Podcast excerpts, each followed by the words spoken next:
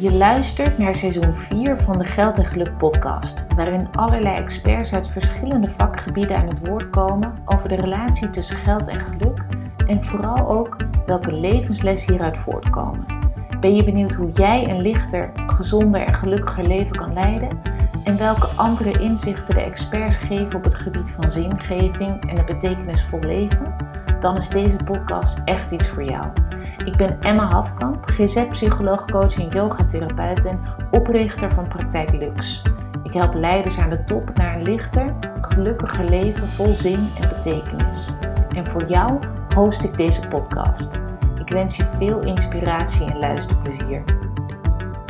Welkom bij de eerste aflevering van seizoen 4 van de Geld en Geluk podcast, waarin Digna Brand wordt geïnterviewd. Digna is business coach voor freelancers die willen stoppen met het verkopen van hun tijd en hun bedrijf op een andere manier willen inrichten.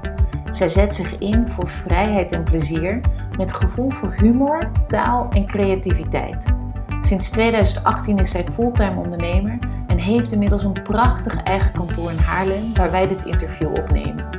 Welk verdienmodel hanteert Digna nu zelf en vooral welk verschil heeft deze keuze gemaakt in haar gevoel van vrijheid en geluk? Hoe pakt Digna meer en meer haar eigen podium en welke rol speelt geld hierin voor haar? U hoort dit alles in deze aflevering. Digna, um, allereerst, hoe gaat het met je vandaag? Op maandag na het weekend? Ja, nou uh, goed. Uh, ja? ja? maandag is altijd wel. Uh, ik vind maandag altijd een prettige dag. Um, ik heb dan eigenlijk nooit klantenafspraken of nooit uh, grote dingen gepland, zodat ik volop ruimte heb om uh, dingen te maken die ik graag wil maken, podcast. Mm. Uh, ik schrijf op maandag. Ja. Ik heb hier en daar wat afspraken. Nou, zoals met jou hier ja. vandaag. Ik voel me vereerd. nou ja, ik minstens zo. Dus ja, maandag vind ik altijd een prettige, prettige dag. Het is ja. een hele zachte, vanuit het weekend weer een beetje mm. de week inglijden. Ja. ja. Is dat ook iets uh, wat je dus heel bewust nu zo hebt ingericht sinds je ondernemer bent en daar vrijheid in hebt?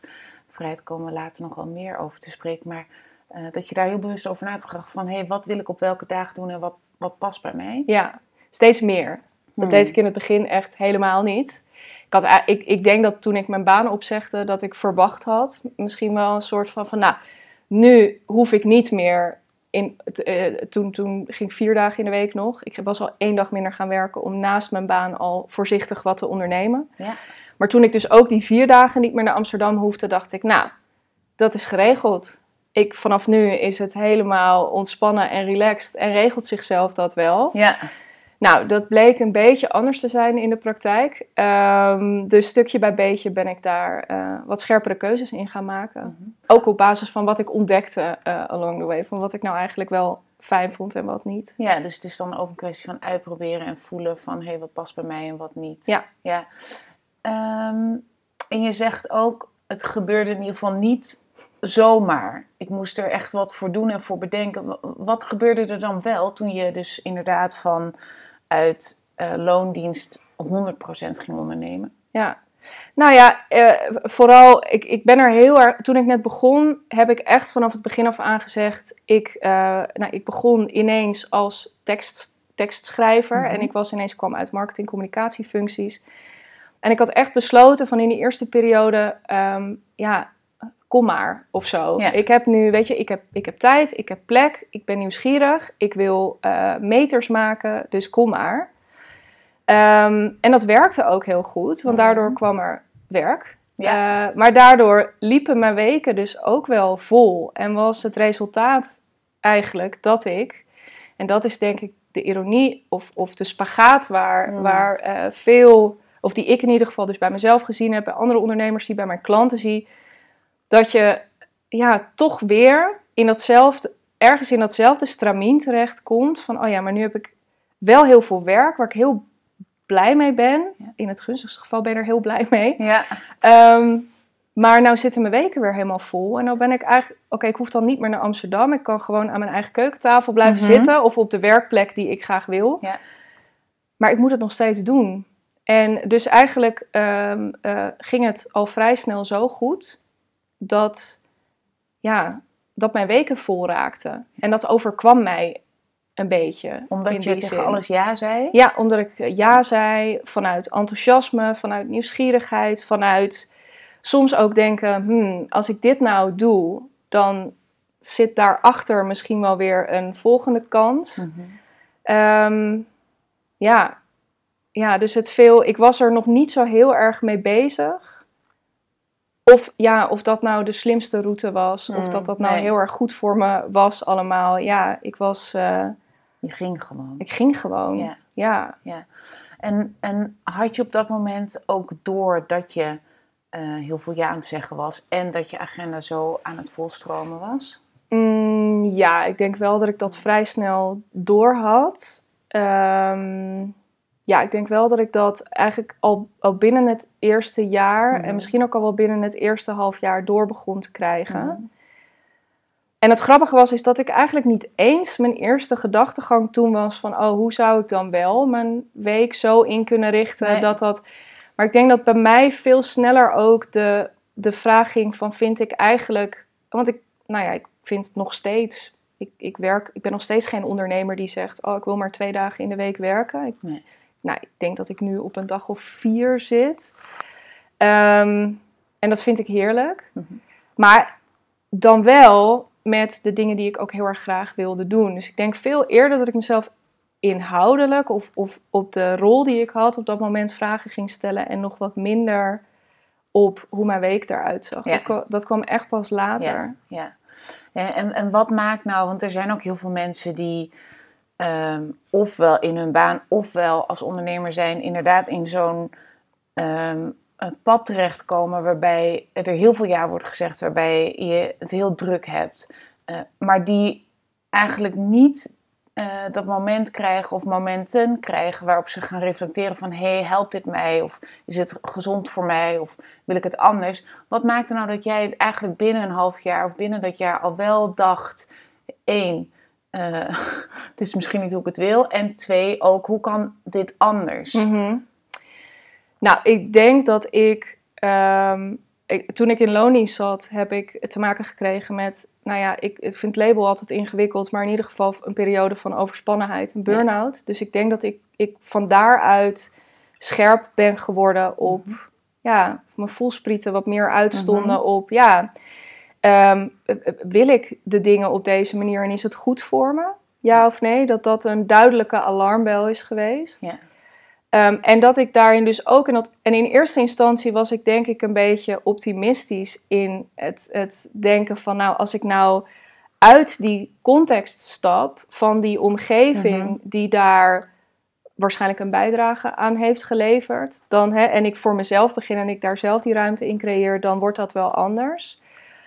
Ik wist wel beter, maar nou ja, dat was, was toch een fijn idee. Ja, en dat, dus toen ik begon te merken ook wel weer van, oh ja, ik heb nu eigenlijk ook wel weer, ik- liep ook op een gegeven moment wel weer tegen dingen aan, dat ik bepaalde fysieke klachten weer, het was niet zo ernstig, Nee. maar dat ik wel weer begon te merken van, oeh, ik, mijn rug zit weer een beetje Ja. vast. Je lichaam begon weer Beg- zacht te fluisteren. Precies. Mm. En daarin ben ik wel scherp geworden. Ja. Plus, ik denk dat ik ook heel duidelijk begon te zien dat. Hè, ik, ik gaf al aan, ik, ik ben begonnen als, als copywriter, als tekstschrijver. En dat vond ik heel leuk.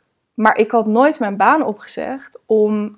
ehm, ja, toch weer. Je staat altijd in dienst van je klanten. Ik sta nog steeds in dienst van mijn klanten. Mhm. Dat zou ik ook nooit anders. Dat, dat is gewoon hoe het is. Ik zou dat ook niet anders willen. Nee. Maar in de rol waarin ik toen zat, was altijd het, ja, het iemand anders ondersteunen met wat ik goed kon. Ja. Om, zodat zij op hun plek dat podium konden pakken of, of hun eigen ding konden bouwen. Mhm. En juist omdat ik dat bij die ondernemers die ik ondersteunde als copywriter ook zag, werd ik er ook steeds aan herinnerd van ja, maar dit- volgens mij was dat ook eigenlijk wat jij wilde. Mhm. En nu En staan zij op dat dat podium. Nou, dat, dat, ik denk dat ik wat meer, ik had meer behoefte, niet uit een soort ijdelheid of ego, maar eh, ik had meer behoefte om op dat podium te staan dan in de coulissen. Mhm. En weet je ook waar dat mee te maken had? Ehm, nou, ik denk met name, ik had echt de drang om iets van mezelf te bouwen. Hmm. Veel meer dan. Ik vond ook dat strategisch nadenken samen met hen om te kijken van nou, hoe kunnen we nou ervoor zorgen dat, dat jij daar komt. Dat vond ik heel, heb ik ook waanzinnig veel van geleerd. Ja. Maar ik denk wel dat ik, ja, ik had heel erg de behoefte om iets van mezelf te bouwen en daarin dus ook, ja, echt mijn eigen, mijn eigen voorwaarden te kunnen creëren. Ja. Ehm, ja, en dus ook echt wel wat meer op die voorgrond te zijn. Ja.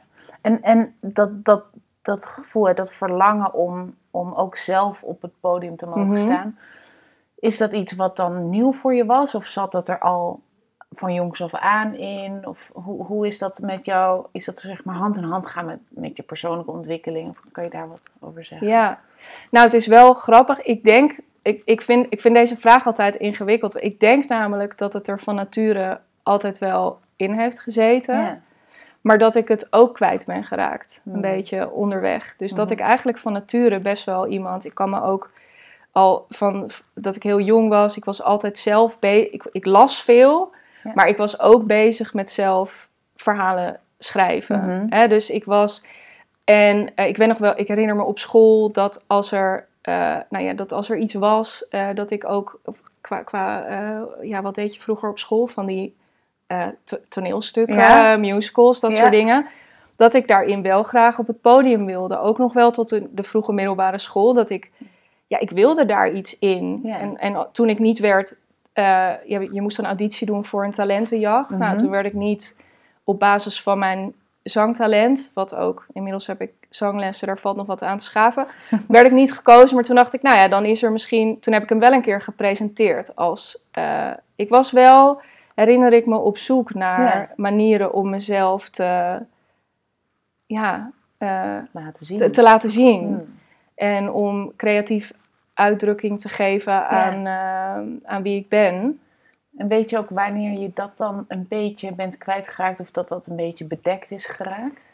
Ja, ik, nou ja, ik denk dat dat een echt ook een beetje een puberteitbeweging is Mhm. geweest. Want het grappige is, ik heb best mijn, mijn basisschoolperiode is daar, die was niet super makkelijk. Ik heb me daar nooit heel erg in, in, in die groep nooit heel erg thuis gevoeld. Ik leek ook eigenlijk op, op niemand in, Mm. in die klas, niet in. Ik, wil, ik, ik hou er nooit zo van om heel erg in, in opleidingsniveaus of dat soort dingen te denken. Maar ik was altijd veel sneller. Weet je, Ja. ik zat op mijn vierde of vijfde, denk ik, al boekjes te lezen op de gang. Omdat ik eigenlijk al niet meer toe was. Ik was altijd een stapje verder. Ja. Maar ook niet zo ver dat ik dan een klas ging overslaan. Hmm. Weet je, dus ik zat daar dan toch altijd een beetje tussen. Ehm, dus ik viel er altijd een beetje buiten. Ja. Het grappige is dat ik me daarin voor mijn gevoel altijd wel een beetje nou ja, bij mezelf ben, heb kunnen blijven. Ja. Maar dat het, wel, dat het echt een puberteitbeweging is geweest die, nou ja, die ik zo in de loop van mijn nou ja, daarna studeren, daar weer in opnieuw beginnen, dat dat er een klein beetje uit is gegaan. Toch dat die onzekerheid gegroeid is van, oh ja, ik vind dit heel leuk, maar durf ik dit nog als, er, Hmm. als het ook raar gevonden kan worden? Dat, dat spanningsveld.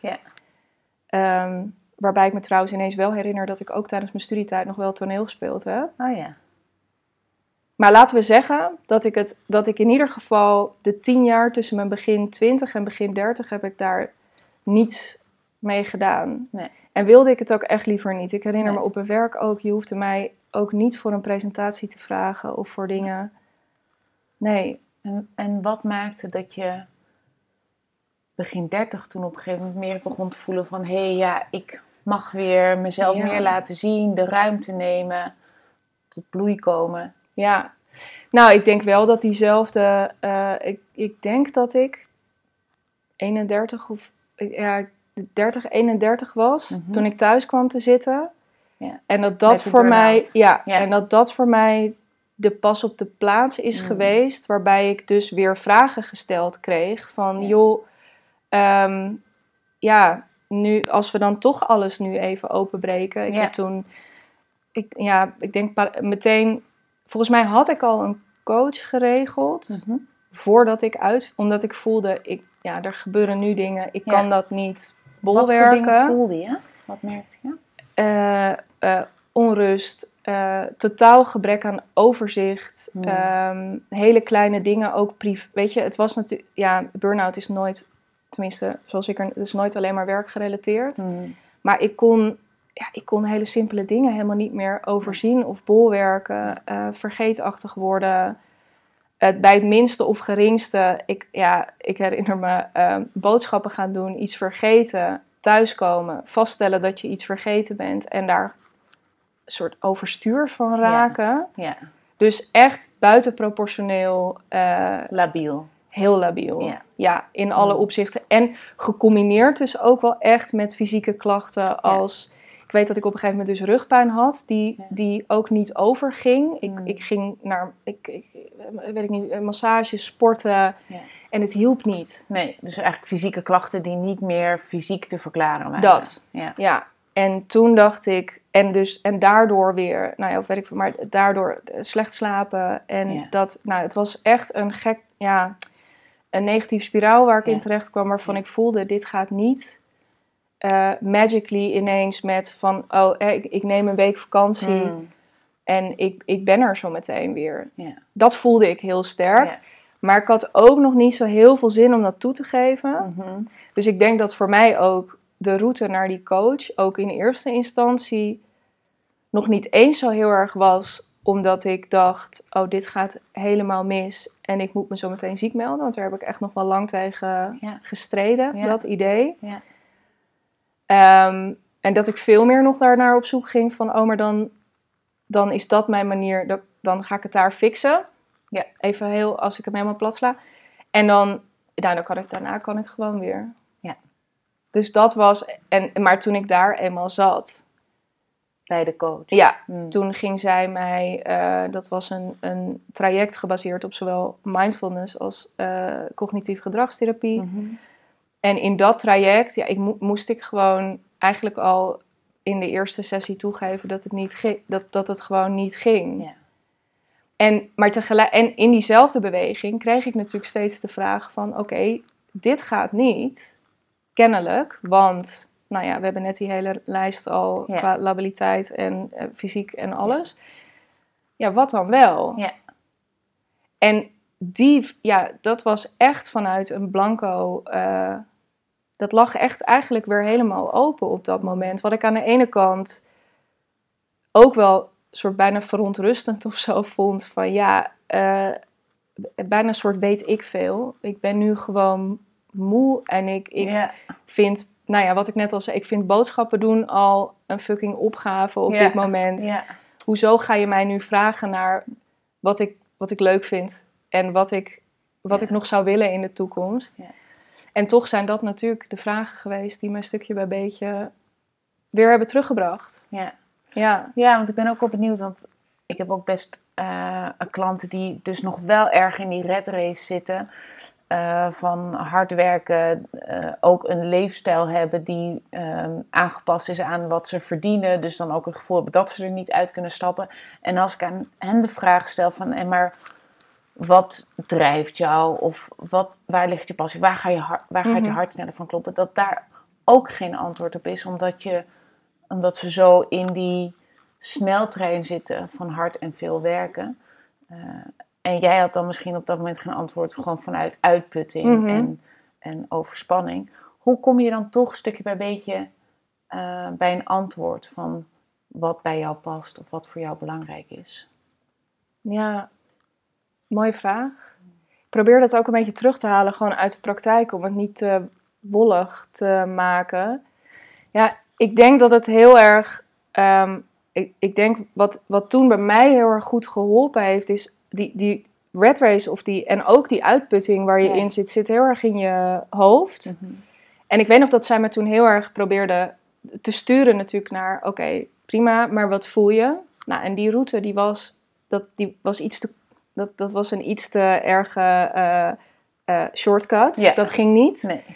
Dus wat zij toen heel mooi geprobeerd heeft, is me in ieder geval, op een gegeven moment zei ze ook, oké, volgens mij moeten we je hoofd toch even, moeten we je hoofd hier nog even een beetje bij betrekken, want we kunnen niet nu ineens, ik ja, kan je nog honderd keer vragen wat je hier allemaal bij voelt, maar als, als Dat dat, nog, dat er werkt niet. Dat, niet. nee, precies. Dus stukje bij beetje kreeg ze, gaf ze me ook uh, schema's mee met, met gewoon dingen waarin ik dan dingen mocht gaan noteren van wat zijn nou dingen die je bijvoorbeeld ooit nog uh, zou willen doen of zou willen en van alles. En ik weet nog dat ik daar ook dingen in opschreef als um, uh, dat ik ooit nog, weet je, dat ik, dat ik echt heel goed um, uh, gesprekstechnieken zou willen masteren. dus, dus veel meer ook richting dat interviewen. Nou, vanuit daar ben ik me later ook meer gaan verdiepen. Ben ik een coachopleiding gaan volgen en, en ben ik die route gaan bewandelen. Maar ook, um, ik weet nog dat ik daar opschreef van ik zou heel graag op een gegeven moment een hele vette uh, sneakercollectie in mijn kast uh, willen. Dus het ging van heel plat naar, of ja, nou ja, whatever, voor zover je... Maar het, het ging dus heel uiteenlopend van dingen die me dus echt op een wat dieper level dreven. En vanuit daar, dus gewoon die platte dingen of mooie reizen die ik nog wilde maken, zijn we heel erg gaan filteren. Oké, nou, als we, als we er gewoon vanuit gaan dat deze dingen symbool ook ergens voor staan, waar mhm. zouden ze dan. En via die weg zijn we ja. het verder gaan afpellen. Van wat zegt het nou over jou dat jij. Ja, dat, dat dit is. Ook, ook via wat, wat lees je graag? Of wat, dat we hmm. echt concrete dingen zijn gaan pakken en die een beetje zijn gaan afpellen. Ja. ja. Uh, uiteindelijk ben je dus tot de beslissing gekomen: oké, ik ga ondernemen. Ja. En sinds wanneer ben je fulltime gaan ondernemen? Uh, nu precies vier jaar geleden. Hmm. Ja. En daarin ben je dus ook een hele reis aan het maken, waarin je eerst vooral nog ten dienste stond van degene die jou opdrachten gaven, naar nu meer eigenlijk echt jezelf op een podium zetten en daar, vanuit daar samenwerkingen aangaan. Ja.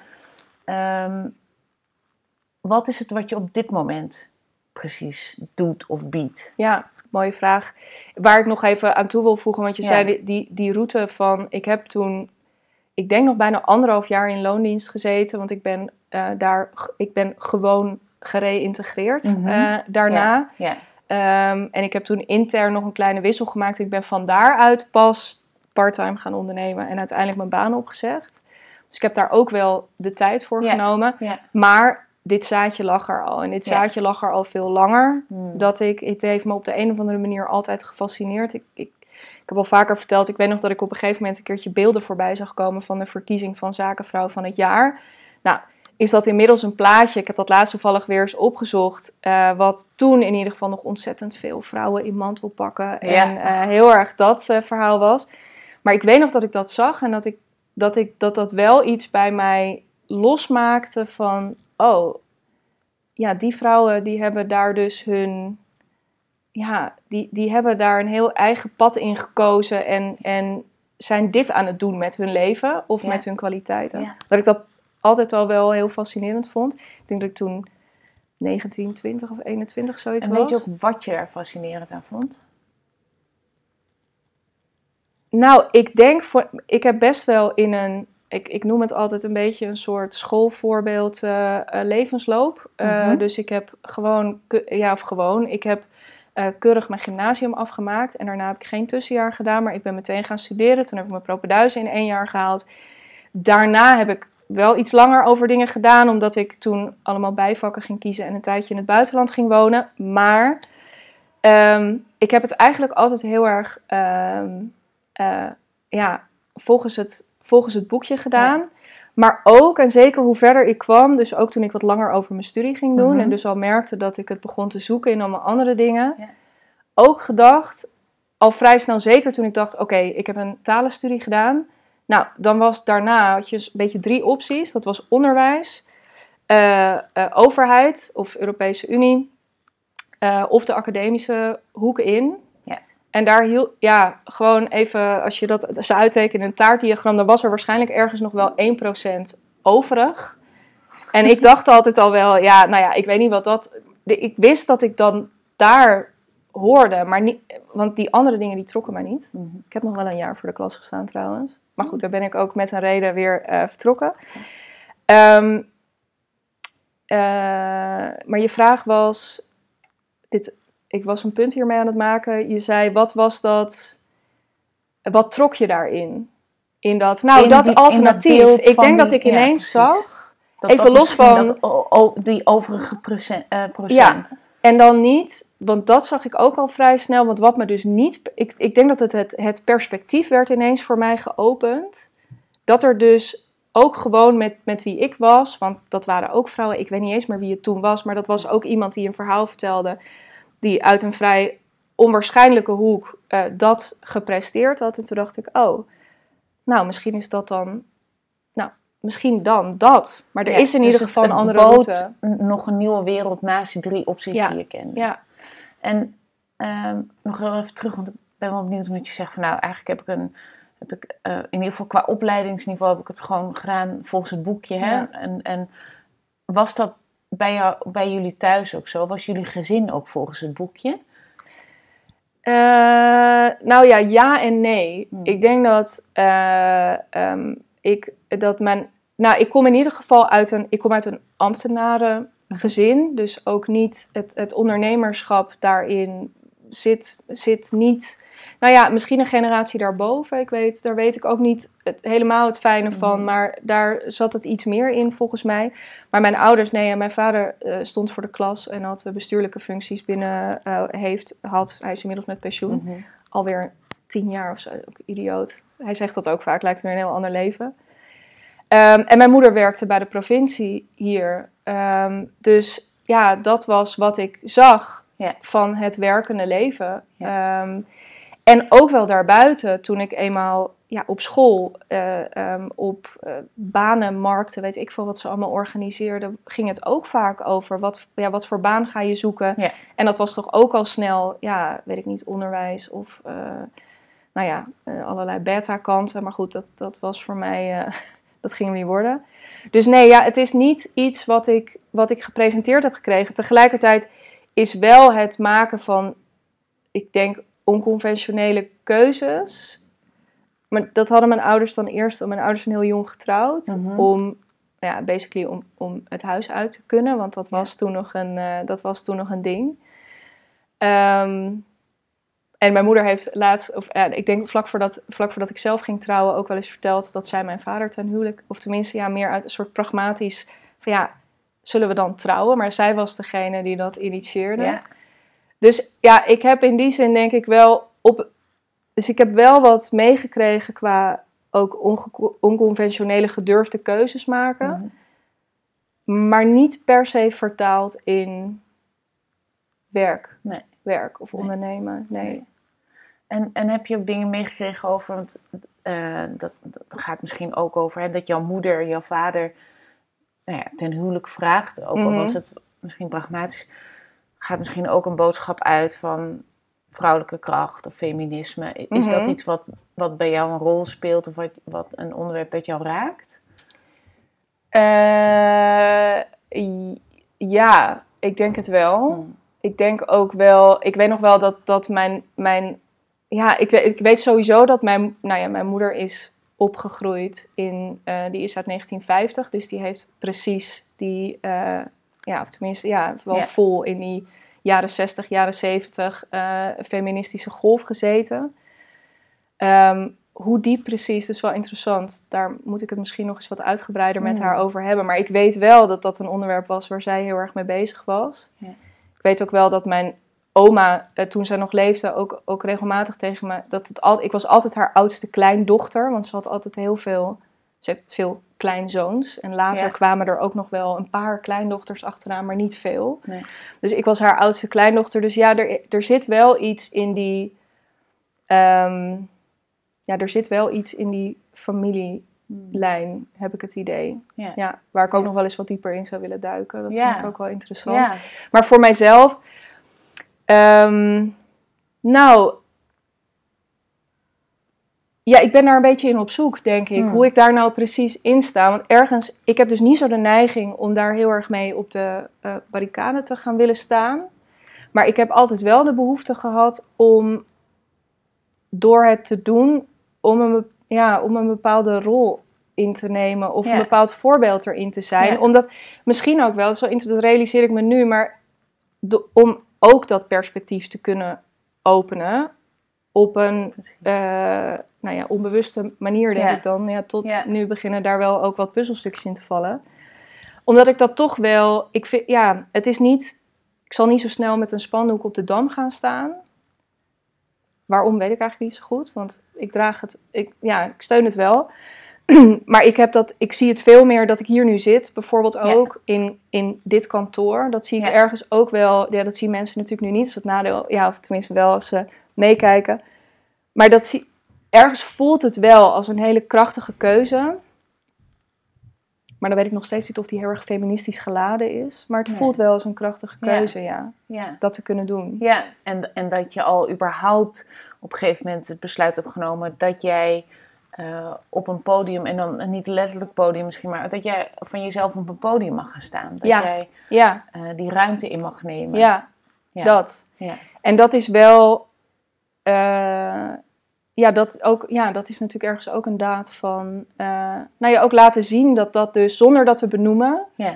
dat vind ik altijd wel, ik hou daar zelf ook van. Ik trek me ook graag op aan mensen die niet zozeer, dat vind ik dus ook altijd, ik heb altijd een beetje haat-liefde verhouding met de hele spirituele en, en zelfontwikkelingsmarkt. Ik Ja. vind dat er veel over geluld wordt, om het maar even Ja. plat te zeggen. Ja. Terwijl ik, me, ik omring, om- omring mij graag en trek me graag op aan mensen die het mij gewoon laten zien. ja. Show, don't tell. Show, don't tell. Ja. Groot voorstander van. Ja. Ja. En niet omdat het ook niet, want ik kan avonden, nou, het laatst nog waren we met een paar ondernemers eh, een paar nachtjes weg. Ja, ik zit graag tot diep in de nacht dan ook daar lekker over door te eh, Hmm. zakken en zagen. En, eh, dus dat ook. Maar ja, in die end is er maar één ding belangrijk. En dat is dat je, wat mij betreft in ieder geval, en dat je, dat is, ja, dat je het laat zien. Ja. Ja. Ironisch En- genoeg zitten wij daar nu dan weer over te praten, maar goed. Ja, ja. het is, een, Het is niet altijd het complexer, het nee. ander, maar Ja. eh, dat het in ieder geval samen gaat. Ja. En niet alleen maar eh, het vertellen of het, het uitschreeuwen of laten zien op een spandoek. Ja. Ehm, terug naar de vraag ehm, wat je nu doet. Want ik ben Oh ook wel benieuwd hoe je dat dan koppelt aan wat je nu doet. Wat laat je daarmee dan eigenlijk misschien wel zien? Hmm. Nou ja, wat ik nu doe, dus ik ben begonnen als tekstschrijver. En eh, inmiddels doe ik ogenschijnlijk iets heel anders, maar ik reali- realiseer me steeds vaker dat dat eigenlijk wel meevalt. Mhm. Ik heb een andere rol en, en het, ja, de focus ligt een beetje anders. Ik help ondernemers om af te stappen van hun eh, uurtje-factuurtje model, Mhm. ongeacht de branche waar ze uitkomen. Ehm, en dat is soms dus best een kluif, want in sommige branches is het enorm de norm. Ja.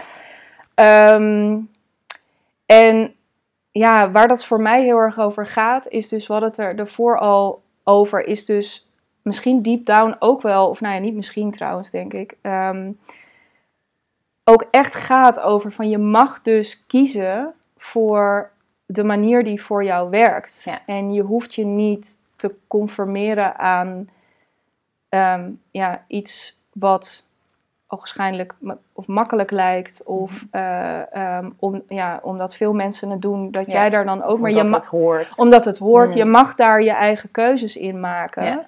Ehm, sterker nog, als je dat gaat doen, en dat is dan ook, hè, ik, ik, eh, eh, wat ik doe, doe ik onder de noemer freelance to freedom. Ik Mhm. denk dat je door daarin steeds meer je, je eigen keuzes te gaan maken, en dus steeds vrijer eh, bedrijf voor jezelf realiseert. Maar goed, ja, en, maar daarachter zit gewoon ongelooflijk meer vrijheid voor jezelf. Ehm, nou ja, ook buiten je bedrijf. Doordat je, ehm, ja, god, daar zijn miljoenen redenen voor. Maar ja, zolang je je tijd blijft verkopen, om het maar even eh, eh, plat te zeggen. Ja, is, is je tijd dus altijd op. En je tijd, je, je- ja, je tijd komt niet meer terug. Nee. En, en daarnaast, want dat is nog eigenlijk een best wel... Nou, daar zou je ook een heel ideologisch verhaal van kunnen maken... Mhm. over dat tijd ons kostbaarste bezit is. Dat, dat is ook zo. Mhm. Maar ik denk dat wat mij drijft nog veel meer zit op... durf je daarin ehm, onconventionele keuzes te maken... waar je zelf gewoon... Ja, waar, waar je zelf een stuk vrijer en daarmee ook een stuk blijer wordt. Ja, want welke onconve- onconventionele keuzes heb jij gemaakt daarin? Wat is, wat is jouw verdienmodel op dit moment? Eh, ik werk met eh, trajecten, dus mensen stappen bij mij voor eh, een, een wat kortere of een wat langere periode in. Mhm. Ehm, en dan begeleid ik ze om dus dat uurfactuurmodel in eerste instantie, ja, dat is eigenlijk een beetje het praktische gedeelte, om te buigen naar iets anders. Ja. Waardoor ze eh, minstens zoveel omzet draaien als ze Mhm. nu, want dat is wel ook een beetje een uit, dat is een mooi linkje misschien ook naar geld. Dat is ook wel een beetje een eikpunt wat we pakken. Ehm, maar goed, het interessante aan dat proces is, is dat, ik roep ik ook vaak, ja, dat stuk kunnen we best wel gewoon, als we hier een dagdeel gaan zitten en we trekken die flippen over erbij, dan hebben we dat deel, Ja. hebben we eigenlijk al best snel gecoverd. Dat is het dan misschien nog niet helemaal, dat sch- schuren we dan wel weer bij of dat verandert weer, maar dat is nog niet eens het spannende. Het wordt spannend daarna, als je met dat nieuwe model, of spannend, ook heel leuk trouwens, Ja. maar goed, Ja. Ehm, gaat vaak ook hand in hand. Ja. Ehm, als je daarmee de, de, ja, de markt op wil, de boer op gaat. Want dan moet je ineens heel anders dan als je zegt... nou, ik ben copywriter en ik schrijf teksten en ik kost dit per uur. Ehm, ja, zul je ineens echt moeten gaan staan voor... niet zozeer alleen wat je doet, maar echt wat je komt brengen. Mhm. En nog veel meer wat dat dan waard is richting Ja. je klant. Want ineens ga je van zeggen dat je, weet ik veel wat je per uur kost, maar laten we even 90 euro per uur, 110 euro per uur. Moet je ineens gaan zeggen, ja, dit kost eh 5000, 10.000, 20.000, 40.000, weet ik veel. Da- Daar is van alles in mogelijk. Ja. Dat heeft een hele andere dynamiek, Ja. intern, voor jezelf. Hè? Dus, dus eh, zeggen dat datgene wat jij doet, ja, en dan het, die grens ligt voor iedereen ergens anders. Bij sommigen eh, slaan de, de vlekken al bij eh 2000, 3000 euro toe. Bij anderen begint dat een beetje zo bij 20.000 of ergens anders. Ehm, maar je zult heel erg moeten gaan staan in die zin. Dus ook veel meer. Het is mooie, eigenlijk ook weer mooi die coulissen eh podium metafoor. Je moet een beetje uit die, nou niet een beetje, je zult best wel uit die coulissen moeten stappen. Ja. En daar moeten gaan. Op jouw manier hoef je niet meteen een glitterjurk aan te trekken. En, eh, maar je zult wel daar moeten gaan staan. ja. Omdat het veel meer gaat over waarde. Veel meer over waarde. Ja. Ja, En waar krijg jij nou nog vlekken van? Waar zit het qua bedrag bij jou dat je denkt, hoe? Nou, ik ben op dit moment bezig met toewerken naar. eh, ehm, en dat is ook een vrij extreme sprong die ik daarin aan, het- Mhm. aan het zetten ben. Eh, ehm, of ja, dus een, een royale verdubbeling dan wat ik gewend ben. Ik ben, ben nu naar 50.000 euro aan het toewerken. Ja. Ja, en die is echt weer. Daarbij voel ik. En dat vind ik ook een interessant. Want je moet altijd een beetje gaan tot waar, die, tot waar je je begint af te vragen. Hoe dan? Mhm. dan kom je op een, dan kom je op een interessant punt. Ehm, en vanaf daar kun je dus ja, die puzzel gaan leggen. Van ja, hoe dan? En vooral denk ik, voor wie? Ja. Want het mag duidelijk zijn. Ik bedoel, eh, even los van dat je, je kunt het, hetzelfde gesprek hebben over een aanbod van 500 euro. Dat is ook al niet meer voor iedereen. Mhm. Maar als je naar 50.000 euro gaat, dan wordt het voor nog iets minder mensen. Dus je, je zult keuzes moeten gaan maken. Ehm, en meer dan ooit inderdaad overtuigd moeten zijn, eerst zelf, dat datgene wat je op tafel legt, dat het dat, het dat waard is. Ja. En dat het die ander, want het moet wel een investering blijven. Het moet natuurlijk niet zo zijn dat iemand 50.000 euro in een emmertje legt en dat ik dat dan naar me toe trek en dat daarmee de transactie klaar is. Mhm. Nee, het is de bedoeling dat iemand dat erin legt en dat het dan aan het einde van de rit meer waard is geworden. In het ideale geval, eh, ja, een, echt, echt een veelvoud daarvan. Ja. Ja.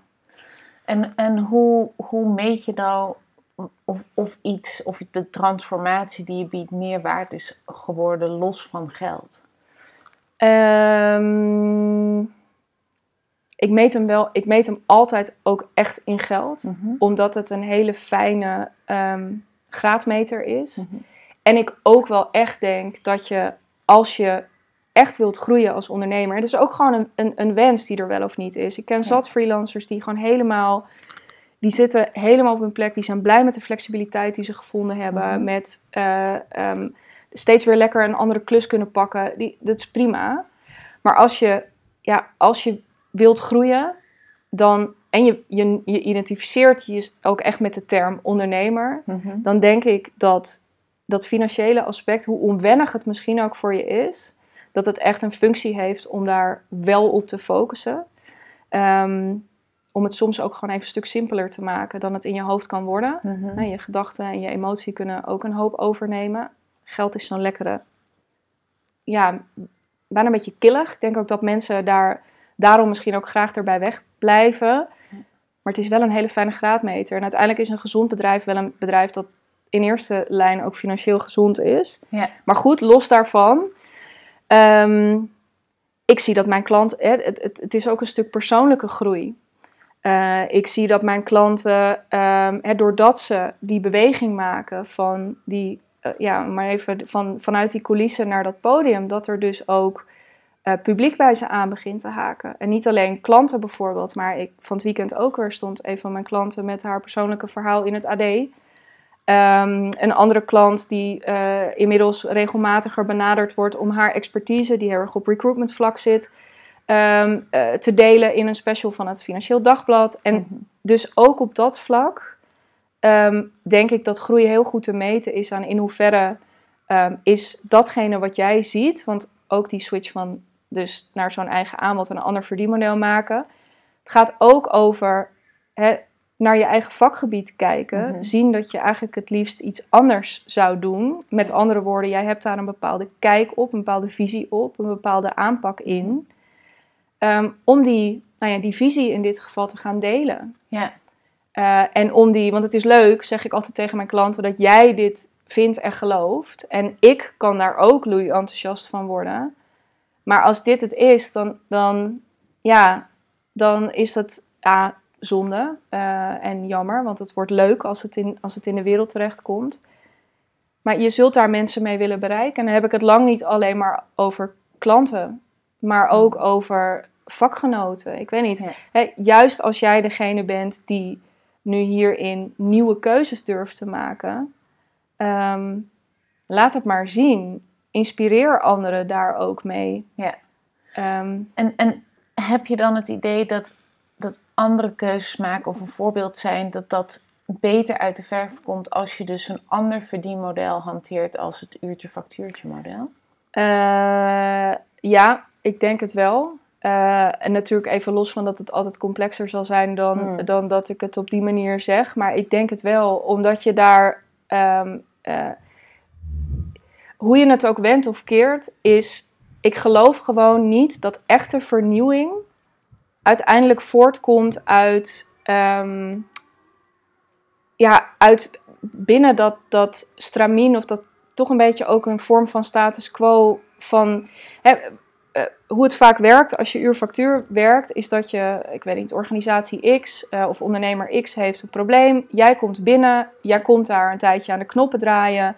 Daar doe je zoveel uur over. Je hebt, je hebt aan die knoppen gedraaid, vervolgens ga je weg. Wat je heel vaak ziet gebeuren, is dat er heel weinig oog is voor waarom, zit, waarom zitten we hier eigenlijk? Waar, waarom ben jij hier? Wi- Waarom, waar, die transformatie waar we het net over hadden. Wat is Ja. nou eigenlijk dat eindpunt waar we naartoe aan het werken zijn? Ja. In plaats daarvan ben je bezig met neuzelen over, oh ja, dan moet ik hier mijn uren loggen en dan moet ik daar overzichten van sturen. En oh, nu gaat de telefoon. Ja, oh, heb ik een kwartier gebeld. Ga ik dat nou noteren? Ga ik dat niet noteren? Terwijl dat, eigenlijk zou je met al die dingen helemaal niet bezig moeten willen zijn. Ja. Je moet naar B willen. En Ja. ehm, meer nog dan. Ja, en zeker als je echt iets kon brengen. Ik moet ook denken, die eh, mensen die echt een, een hele eh, vette aanpak, vernieuwende aanpak hebben op het gebied van vitaliteit, eh, duurzaamheid, allerlei, nou ja, dus klimaat, immigratie. Vernieuwen, echt vernieuwende ideeën moeten, denk ik, altijd een beetje breken met wat er tot dan toe gedaan is om ook om, om lucht te creëren. Ja. Gaat eigenlijk ook weer terug misschien een beetje naar die nieuwe perspectieven. Ik denk Ja. dat we voor heel veel dingen, dus, en dit gaat dus over, dit is ook wel echt wat ik op een soort groter niveau voel met wat ik doe.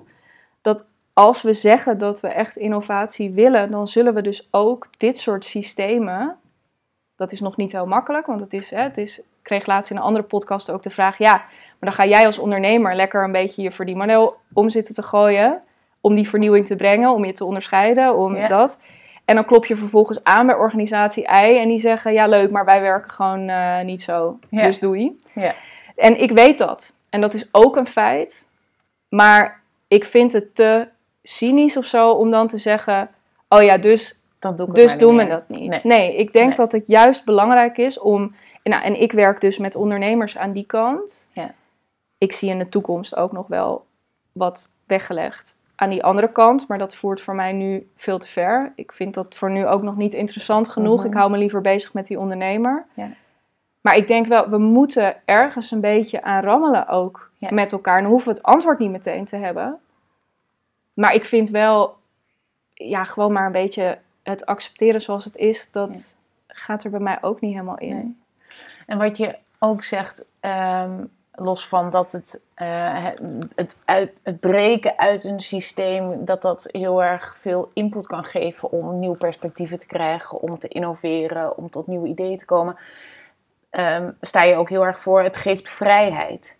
Welke vrijheid heb, heb jij in ieder geval gekregen door, door dit verdienmodel met de trajecten? Mm, ik denk, nou ja, we, we begonnen natuurlijk de, eh, de podcast met ook het, eh, die indeling van de week. Ja. Nou, ik denk dat ik daar eh, inmiddels, ik werk eh, maandag en vrijdag afspraken vrij. Eh, dus ik werk op maandag en vrijdag bijvoorbeeld niet met klanten. Dat wil zeggen, op vrijdag heb ik eigenlijk altijd gewoon helemaal een kruis door mijn agenda staan.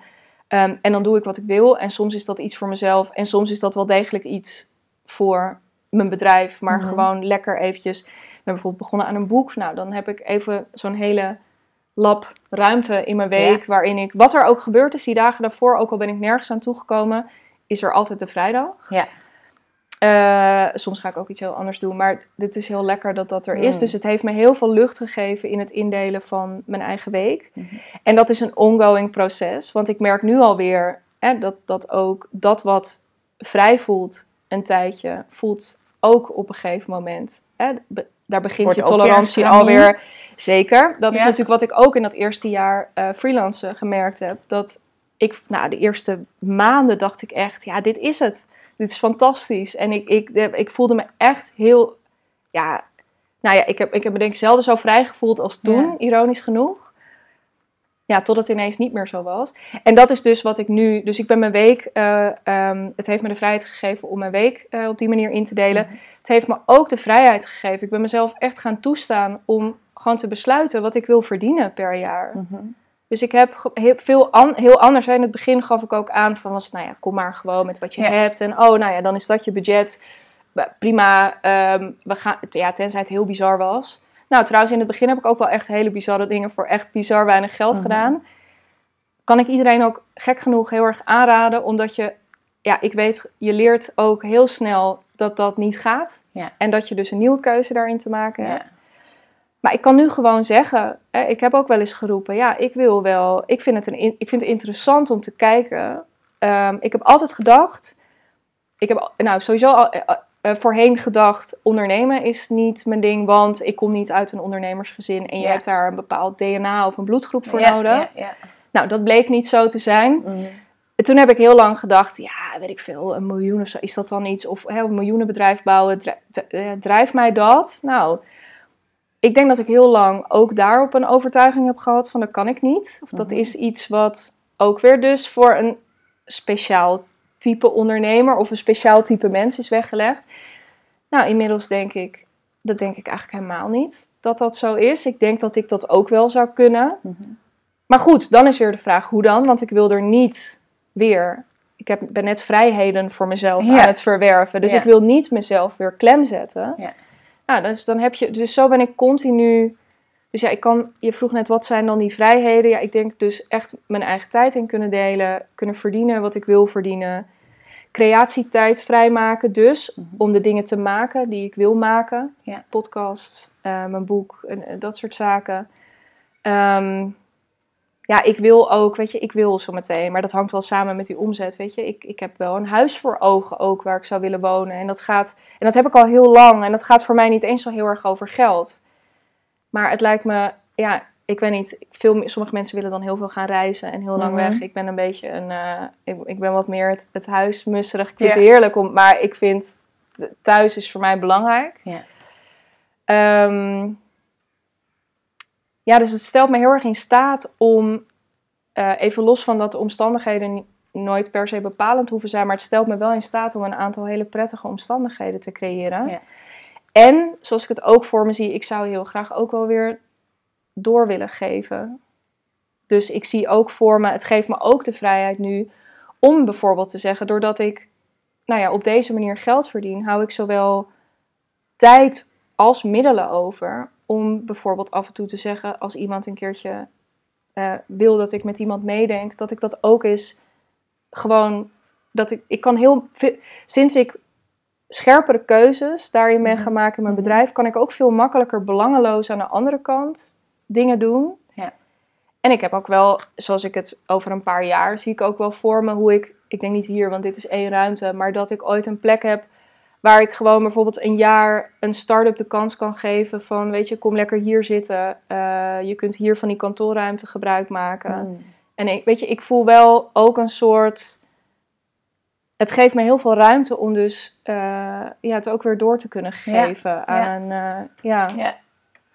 En dat doe ik nu gratis bijvoorbeeld in mijn podcast. Dat is ook zo. Ja. Dus ik vind het heel Ja. fijn om de ruimte te hebben. Om niet te denken, oeh, maar dan verdien ik daar geen geld Ja. mee. En dat is dan niet slim. Mhm. Nee, dat, soort, dat wil ik helemaal niet. Nee. Mijn geld verdien ik door heel goed werk te leveren voor een paar mensen. Ja. Ehm, en soms voor wat laagdrempeliger voor een wat grotere groep. En dat geeft me de ruimte om daarnaast via allerlei andere wegen eh, ja, dat ook ja, gewoon voor niks te kunnen doen omdat ik het heel leuk vind. Zou je dan kunnen zeggen eh, dat geld voor jou het middel is om de vrijheid om jouw keuzes te kunnen maken? Dat, je, dat, dat, ja, dat geld jou daartoe in staat stelt? Ja. Zeker. Ja. En vind je daarmee dan ook dat geld jou gelukkiger maakt? Ehm, ja, dat is natuurlijk de forever. Ik, ja, en dit, ja, ja, ja, ik denk het wel eigenlijk. Eh, en niet even, zozeer van geld direct lijntje naar geluk, maar meer geld maakt dat jij de vrijheid hebt om Ja. de keuzes te maken die voor Ja. jou belangrijk zijn. En dat leidt tot geluk. Dat, Ja. dat is het. En ik denk dat daarin, en dat is niet eens zo, wat ik, ik, er, ik, ik zit heel te denken, daar zit, daar zit inderdaad iets, want ik, ik zit dan ook te denken, nou stel dat ik bijvoorbeeld morgen eh, kwijt zou zijn wat ik nu heb opgebouwd. Mhm. Ehm, dan denk ik dus ook wat ik het mooie vind aan ondernemerschap, en dat is denk ik ook vrijheid wat daaronder zit, is dat je, nee, even los van hoeveel geld er wel of niet op je rekening staat, of dat je een goede periode of een slechte periode hebt, maar er is altijd, ehm, ook met de skills die je opbouwt en de persoonlijke groei die je doormaakt, want ik denk dat dat, als ik mezelf vergelijk met, met vier jaar geleden, Mm. kom ik dan nog even mee zo in de loop van dit, of misschien ook wel een beetje aan het eind van dit gesprek. Maar daar heeft zo belachelijk veel plaatsgevonden. Ja. Ehm, eh, dat is zo'n mooie route.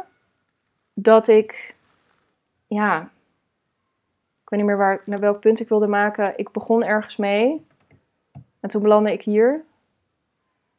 Over de Dat ik- route van geld naar geluk of geld via. Ja, dat oh ja, maar dat nog ik, om- omdat die skill, gewoon de skillset ook, die, Ja. en of de kwaliteiten die er al in zaten, die, die je versterkt, ehm, eh, verborgen. Ik heb bijvoorbeeld, nou, ik, nou ja, nogmaals, ik heb eh, als mezelf eigenlijk zelden op het podium gestaan. In dus wel Hmm. in rollen of in Ja, maar dat doe ik natuurlijk tegenwoordig. En natuurlijk ben ik nog steeds, als ik mijn podcast opneem, ja, en, en ook als ik hier zit, ja, hoe we het ook wenden, je zit toch altijd een beetje in een.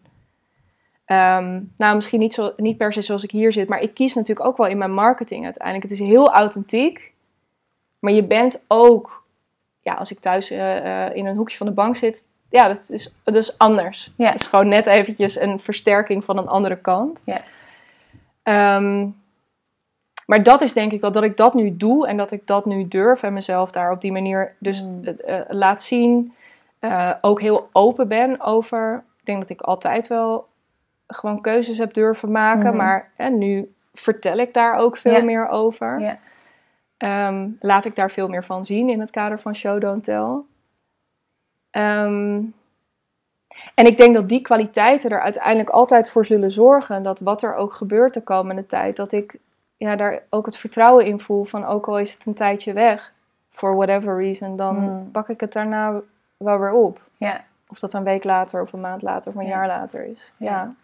Nou zie ik ook wel vaak in, in, in de trajecten die ik met klanten heb, dat ik, ik richt me niet op hun business als het een ondernemer is, maar dat het wel uh, heel erg gaat vaak over wat voor onderliggende gedachten eh, Mhm. mensen hebben. En het blijft mij toch elke keer verbazen hoeveel mensen toch deep down ehm, eh, bij mij komen met een gevoel van ik ben niet goed genoeg of ik ben het niet waard. En ook al zit ik op deze toppositie, eh, ik voel dat aan de binnenkant niet. En, en misschien zit ze ook daarom Mhm. juist op die toppositie, om veel maar te laten zien en zichzelf op te blazen en daar terecht te komen. Eh, maar wat ik vaak zie, eh, zeker als het ondernemers zijn, als ze meer eigenlijk dus met hun zelfbeeld of ehm, eh, zelfwaarde aan de slag gaan, dat dat dan ook op een gegeven moment hand in hand gaat lopen in wat zij, hoe zij voor hun business kunnen en durven te gaan staan. Wat leidt, en, en dat maakte dat ik me afvroeg of jij van mening bent dat iedereen geschikt is voor eh, bijvoorbeeld zo'n verdienmodel met trajecten waar het veel meer om waarde gaat in plaats van ehm, eh, dat je niet zozeer misschien met je eigen waarde bezig hoeft te zijn en gewoon je uurtarief eh, op de Ja. tafel kan leggen bij Ja. de onderhandeling. Ehm, eh, nou ja, ja, weet je, net zoals dat ik denk dat niet iedereen geschikt is voor elke beschikbare functie die er, weet je, ook als je in loondienst zou zitten, ben je niet in, ben je in die end niet overal per se geschikt voor. Ik denk wel dat iedereen in potentie het in zich heeft om dat te doen. Ehm, en ik zie dat ook wel bij klanten. Ja, de- bij de een moet het van wat, wat, wat verder komen, of is er nog wat meer open te breken dan bij de ander. Ehm, dus ja, het, het, het wisselt. Ik denk dat het, ik denk dat het voor, voor, ja, nou, ik denk dat het voor veel, voor iedereen zou ik niet willen zeggen, ik denk dat het voor veel mensen weggelegd is.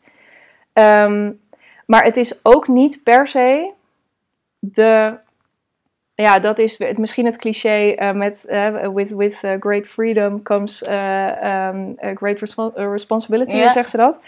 Het vraagt wel wat van je. Mhm. Want inderdaad, zoals jij het ook schetst, ja, je moet, je moet het, ehm, je moet het wel, ja, je moet het willen of zo. Je moet, ehm, want het is niet zo, het gaat wat van je vragen daar gaan zitten. Het gaat wat van je vragen om voor die waarde te gaan staan. Het gaat wat van je vragen alleen al om zo'n bedrag een keer uit te spreken. Ja. Eh, ongeacht wat dat voor jou is, maar om dat bedrag wat jij nu zo spannend vindt, om dat een keer op tafel te leggen. Mm. Het gaat wat van je vragen als je wil dat, nou ja, je bijvoorbeeld ook vaker gebeld gaat worden door een FD, omdat je het idee hebt dat je voor een breder publiek je, je verhaal. Hè, er zijn heel veel mensen die daar toch, die dat spannend vinden, maar die wel die stiekeme, vaak een beetje stiekeme wens hebben Ja. dat dat gebeurt. Ja, Ja. Dan, dan vraagt dat dus van je dat jij eerst een bepaalde beweging gaat maken voordat dat gebeurt. Mm. Dus het vraagt wat van je. Ja. En in die beweging, en ik, dat, dat begin ik ook steeds meer te zien. Ik heb dat natuurlijk zelf ervaren, maar ik zie dat bij mijn klanten ook steeds vaker. Daarom werk ik ook graag langer met ze. Mm. Het is echt een intern proces. Veel meer dan ergens een, ehm, een, een, ja, dus een strik omheen doen en een prijskaartje aanhangen. Ja. Want dat stuk, ja, dat kan, dat kan echt iedereen. En eh, dat vind ik ook heel leuk. Ik hou ook van die puzzel. Mm. Eh, maar het begint daarna. Ja. En wij, wat dat betreft zitten we allebei op een ander zwaartepunt. B- Bij mij is de ingang dus wel de business. Ja. Maar ja, je komt de dingen tegen op het moment dat je er bent. Want iemand kan heel voortvarend eh, en, en vol vertrouwen ook van start gaan. Mhm. En ehm, na de eerste maand eh, content maken en delen ineens ja, tegen een enorme onzekerheid aanlopen. Van Ja. ja, ik ben nu heel mijn ziel en zaligheid hierin aan het storten, maar er gebeurt niks. Ja. Er zitten geen aanvragen in mijn... Er zit, maar dat kan, als je begint Mm. met zaaien. Ja. Ja, en dan zie, kom je dus, en dat is ook de route die ik dan dus bewandel. Op dat punt zeggen: Oké, hier gebeurt dus iets met je. Zonder dat, want ik ben geen psycholoog. Mhm. En ik zie ook, bedoel, als dat allemaal echt te groot is, dan is daar een ander, eh, eh, dan, dan, nou ja, dan is daar andere hulp voor. Maar waar ik wel heel erg in geloof, is om dan te kijken van oké, dit is wat we nu zien. Wat is er nu voor nodig? Om jou wel die volgende stap te laten zetten. Of als iemand echt helemaal eh, ja, dichtklapt of dicht van Mm. oké, dan was dit misschien ook niet de route. Eh, zullen we eens gaan kijken of dan, nou ja, misschien is LinkedIn je, je kanaal Mm. niet. Of misschien hoeft het überhaupt niet. Ja. zullen we eens gewoon weer eens eventjes helemaal from scratch kijken wat er dan nodig is. Ja. Ehm, ja, en dat, dat dus uiteindelijk, wat ik met mijn klanten doe, is in die end eh, doorloop ik hetzelfde, eh, ja, doorlopen we eenzelfde set stappen. Mhm. Maar het is voor iedereen verschillend waar Ja. nou de grote eh, kink zit. Ja. Meestal zit die of op marketing of op sales. Hmm. Ja. Ja. En soms begint dat al bij pricing. Dat is een heel interessant onderwerp ook. Ja. Want daar komt dus dat stuk waarde. Juist. En dan vind ik het te ver gaan om te zeggen, als je geen, want dat hoor je business coaches nog wel eens roepen. Ja, als je geen hoge prijzen durft te vragen, dan zit er iets niet goed met je eigen waarde. Hmm. Die vind ik altijd wel erg kort door de bocht. Ja. Omdat ik namelijk ook wel eens denk, ja, of je ziet gewoon nog niet helemaal wat nou het echte resultaat is voor je klant. En moeten we gewoon een rekensommetje maken. Dat wil namelijk ook nog wel eens helpen. Mhm. Ehm, maar het zegt natuurlijk wel iets. Eh, de mate waarin je jezelf toe kunt staan om geld te verdienen. Eh, om veel geld ook te verdienen. Sterker nog, om veel geld te verdienen met iets wat je gewoon heel leuk vindt om te doen. Wat je zo leuk vindt om te doen dat je waarschijnlijk zelfs ook nog wel gratis zou doen als iemand dat. Ja, dat is wel een. ehm, nou, dat is zo een van die interne shifts die je. eh sommige heel natuurlijk afgaat omdat ze wat meer geld gedreven zijn. Eh, en waarbij anderen wat. ehm, ja, wat, wat eh, tussenstappen nog eh, tussen zitten. Ja. Ja, Ja. Hey, en, en misschien als eh, slotvraag, ehm, voordat we nog even vertellen waar mensen als ze bij dit interview denken ook wel meer dichtna, waar Ja. ze terecht kunnen. Ehm, in welk proces zit jij op dit moment? Waar, wat, welke zone is voor jou nu spannend Oh ja, en dat- ook exciting? En waar ben je Ja. mee bezig? Nou, A dus dat weer dat, dat die volgende groeistap maken in pricing. En dat, Ja. dat doe ik niet omdat ik dan bijvoorbeeld zo'n 50.000 euro bedrag heel tof vind. Maar veel meer omdat ik me heel erg heb gerealiseerd, zeker dit jaar, dat ik... ehm, ik wil graag groeien met mijn bedrijf, maar ik wil dat niet heel erg in volume doen. Ik wil dat graag in, in kwaliteit en in, en in wat meer exclusiviteit doen. Ja. Nou, dan horen... Ik heb niet per se zin daarin.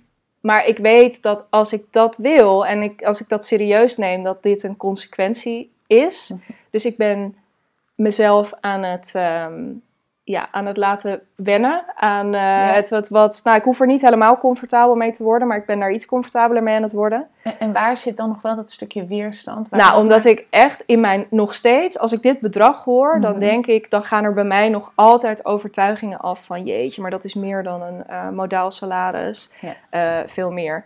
Ehm, dat is hè, voor één wat en hoe, wa- wa- wat, wie gaat dit betalen? De hele, dit is, dus daarom vind ik ook dit bedrag interessant. Ja, Want al die alarmbellen of gewoon de, ja, de eeuwige rondjes, die beginnen Ja. bij dit bedrag. Ehm, en tegelijkertijd, wat ik ook merk, is dat ik, ja, ik ook wel weer merk dat hoe ik mijn aanbod bijvoorbeeld nu heb ingericht, dat ik me ook realiseer, ik vind het leuk hoe ik het nu doe, maar ik heb ook het idee dat het nog leuker kan zijn. Want ik hoor me vandaag ook weer hier in deze podcast praten over ja, toch ook wel onconventionele keuzes maken. Nou, ik vind heel eerlijk gezegd niet dat ik dat op dit moment, zonder, ik kan er echt in mildheid naar kijken, maar Nee.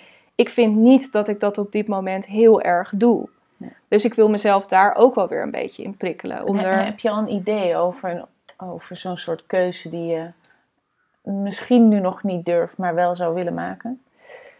Ehm, nou, ik denk dat ik. eh, eh, in, in- heel concreet is het nog niet. Maar wat ik, wat ik. Ik zou er nog veel. Nou, als we het toch over vrijheid hebben. Ik zou nog veel meer vrijheid en lucht in dat traject willen eh, stoppen. Ik zou nog veel meer. Hè, waar het nu toch een.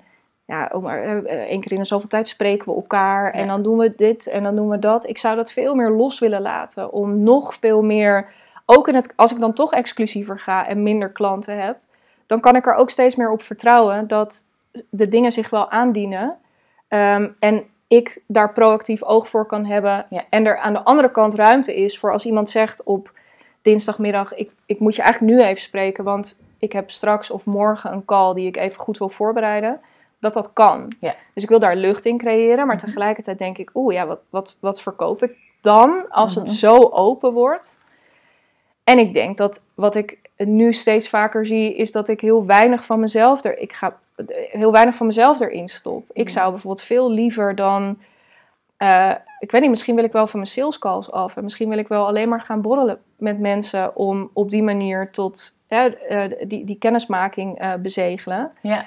Ehm, misschien wil ik als aftrap wel niet dat mensen hier naar mijn kantoor komen, maar misschien moet het wel. Ik zit te denken aan wat nou als ik ze twee dagen helemaal ga onderdompelen in, ehm, ik weet niet, de experience van een vet museum Hmm. en een sterrendiner en een mooie overnachting om helemaal die gewoon alles even te resetten, Ja. te rewiren en dat dat dan de, de aanzet Ja. is en dat dat de weg vrij maakt. Dus daarin ben ik een beetje aan het stoeien met hoe Ja. kan ik het nou heel bijzonder maken en eigen. Zonder dat ik dan weer in de valkuil trap van, oh, hè, want dat is er ook wel eentje ehm, qua pricing, dat ik hem dan weer vol ga stoppen met, Ja. ik moet nu heel veel doen, want anders is het dat geld niet waard. Ja, want ze komen gewoon bij mij om mij. Ja.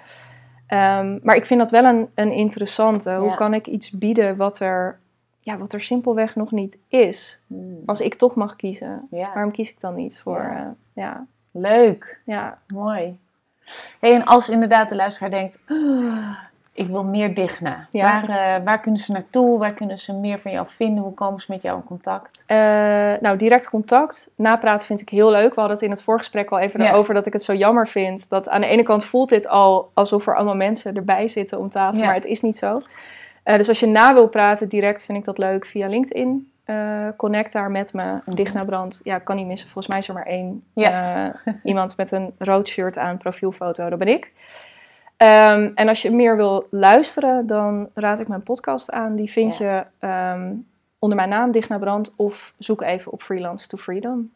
Yes. En je boek, Ja, daar mogen we nog eventjes geduldig op wachten. ja daar, mag, daar mogen jullie nog even geduldig op wachten. Ja, ik zit echt, ik ben heel eh, transparant nu aan het delen ook over mijn creatieproces en het wordingsproces. Maar ehm, daar is nog wel een weg in te gaan. Ik hoop, ja, ik hoop volgend jaar. Maar als het iets langer duurt, heb ik ook besloten, dan vind ik dat ook niet zo'n drama. Nee. Ehm, vind je het leuk om dat proces te volgen, Mhm. dan eh, kun je je aanmelden voor mijn nieuwsbrief.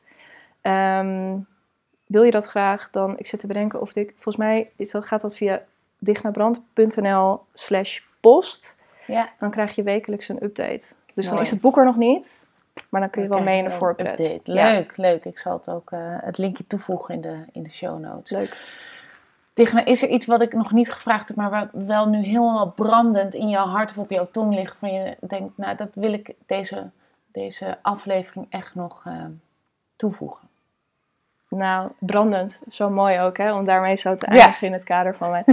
Nee, ik denk dat het een super mooi rond gesprek is geweest, eh, persoonlijk. En tegelijkertijd een heel mooi beeld geeft van wat ik, wat ik doe. Ja, Ehm, ja, nee, dus ik, ik ben heel blij.